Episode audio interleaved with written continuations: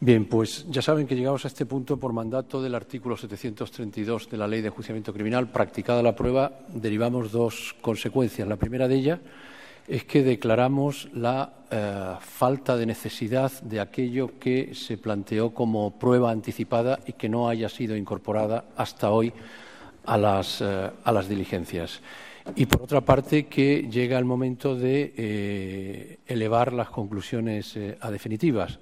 Aunque la ley de enjuiciamiento criminal habla de que se presentarán por escrito, están por escrito las provisionales. Si hay alguna modificación, pues esa modificación sería conveniente y la sala aconsejaría que si está ya preparada se, presente y si no, pues en los próximos dos días eh, pueda, pueda presentarse. Pero es el momento en el que el Ministerio Fiscal tiene la palabra para modificar sus conclusiones o, por el contrario, elevarlas a definitiva. Con su, con su venia, señoría, lamento la interrupción, simplemente para dejar constancia de la protesta por el hecho de denegar la incorporación de prueba anticipada que no se haya aportado ya en este momento por considerarla innecesaria, por cuanto lo que afecta a esta defensa es que hay dos pruebas anticipadas que se admitieron por considerarlas pertinentes y no se han incorporado una cuestión de tiempo.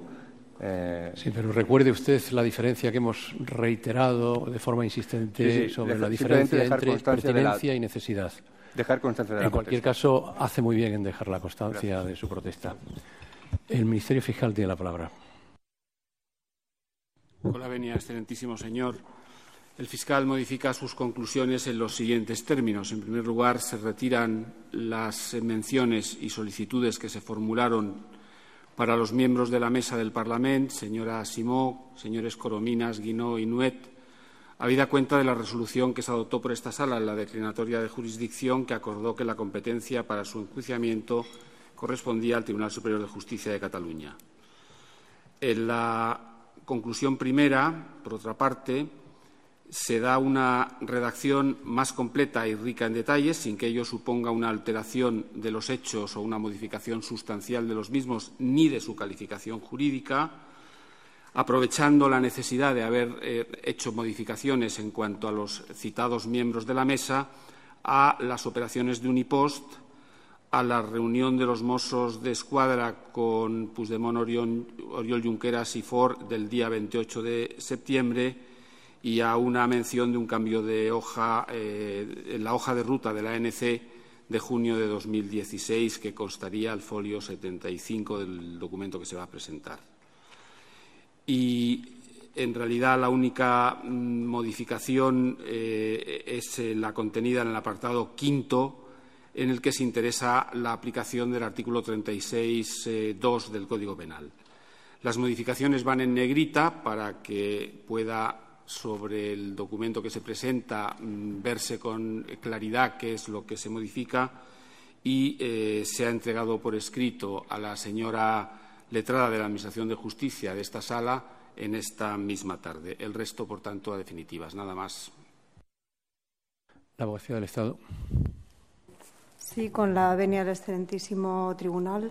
Eh, esta parte eleva definitivas también sus conclusiones provisionales con la única modificación relativa también a eh, los eh, inicialmente procesados que con ocasión de la decisión sobre competencia los más miembros de la mesa distintos a la señora Forcadell ahora están sometidos a enjuiciamiento en el Tribunal Superior de Justicia de Cataluña. Acción Popular. Sí, con la venia de la sala para elevar a definitivas las conclusiones que se planteaban en nuestro escrito de acusación, salvo con respecto al, señor eh, Santiago Vilavicente. Con respecto a este acusado, retiramos la acusación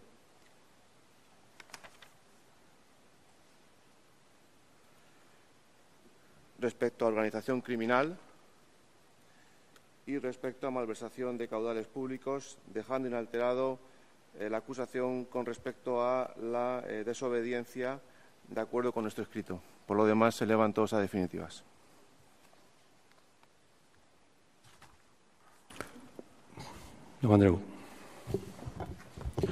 Con la venia, señor presidente, mm, aunque podría decir que en un 99% tengo clara la la posición de elevar a definitivas las conclusiones. Eh, no quería sentar el precedente de, sin leer la modificación de conclusiones de la Fiscalía, hacer, lanzarme a hacerlo así. Entonces, no sé si quieren que, que lo haga en un trámite posterior. Sí, vamos a hacer un descanso y, por favor, dele traslado a, a todas las defensas de esa modificación fáctica que, al parecer, no es de especial alcance, por lo menos en cuanto a lo que se refiere a la, a la extensión de los escritos.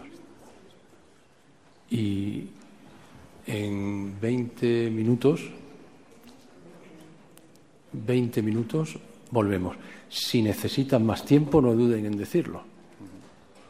Pero en principio todo apunta a que esa cautela con la que usted no quiere elevar a definitiva sus conclusiones, pues está justificada, pero creo que puede no haber ningún problema. Entonces, exactamente a las seis y Bien, me dice la letrada de la Administración de Justicia que necesita diez minutos para las copias. En consecuencia, quedamos a las seis y veinte. Seis y veinte. Si tienen algún problema para conocer el alcance de la modificación que ha anunciado el Ministerio Fiscal, eh, justo cuando empecemos me lo dicen y buscamos otra fórmula. Buenas tardes. Con la venia, señor presidente, Únicamente quería el fiscal advertir de la existencia de un error mecanográfico de Secretaría que alteraría las penas, pero para dejar eh, constancia de que las penas no han sido objeto de modificación en las conclusiones del Ministerio Fiscal, como ya se ha anunciado con anterioridad, y que, por tanto, son las mismas que figuraban en el escrito de conclusiones provisionales, sin ninguna alteración, excepto la ya señalada del 36.2. Nada más. La abogacía del Estado sigue exactamente los términos en que había anunciado. Efectivamente. Y la acción popular también. Sí, efectivamente. Eh, ¿La defensa, don Andreu? Sí, con la veña, señor presidente, esta parte va a elevar a definitivas las conclusiones de la primera a la quinta, en principio, y con la tesis principal de atipicidad, falta de autoría en existencia de circunstancias, por lo tanto, la petición de absolución. Lo que pasa es que se va a introducir una cuarta, una cuarta alternativa, simplemente alternativa, que es la dicción legal, pero sería subsidiaria, de la eximente del artículo 20.7. Pero y se formulará por escrito. Lo hará por escrito en el trámite este de 48 horas para conocimiento de las y menos lo hago hoy. Estupendo.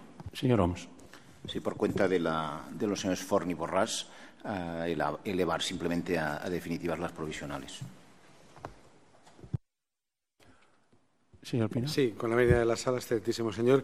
En idéntico sentido que mi compañero Andreu Van den y en el plazo de 48 horas plantearé, y, adelanto que tiene intención esta parte, en la cuarta conclusión, de poner alternativamente la existencia o la posibilidad de la existencia de una eximente del artículo 27 del Código Penal, y las modificaciones eh, que introduciremos las voy, a, las voy a presentar por escrito en el término de 48 horas. Señor Rocho. Con la venia de la sala y para elevar a definitivas las conclusiones provisionales, si bien introducimos en la conclusión cuarta del escrito de, de defensa de conclusiones provisionales una, un párrafo a lo que ya estaba escrito, en que se añadiría subsidiariamente concurre la circunstancia eximente perdón, del artículo 27 del Código Penal de ejercicio legítimo de un derecho fundamental. Lo presentaremos por escrito en el trámite de 48 horas. Con la, con la venia de la sala. También se elevan a definitivas las conclusiones sin perjuicio de que se presentará un escrito en el plazo de 48 horas en el que exclusivamente se va a añadir un, alguna pequeña modificación en los hechos, sobre todo relacionada con la, con la, inviolabilidad. Y también en la cuarta se introduce la inviolabilidad y las eximentes del 27 y del 25. Gracias. Muy bien. Señor Riva. Ah, perdón, señor Vergés. A definitivas.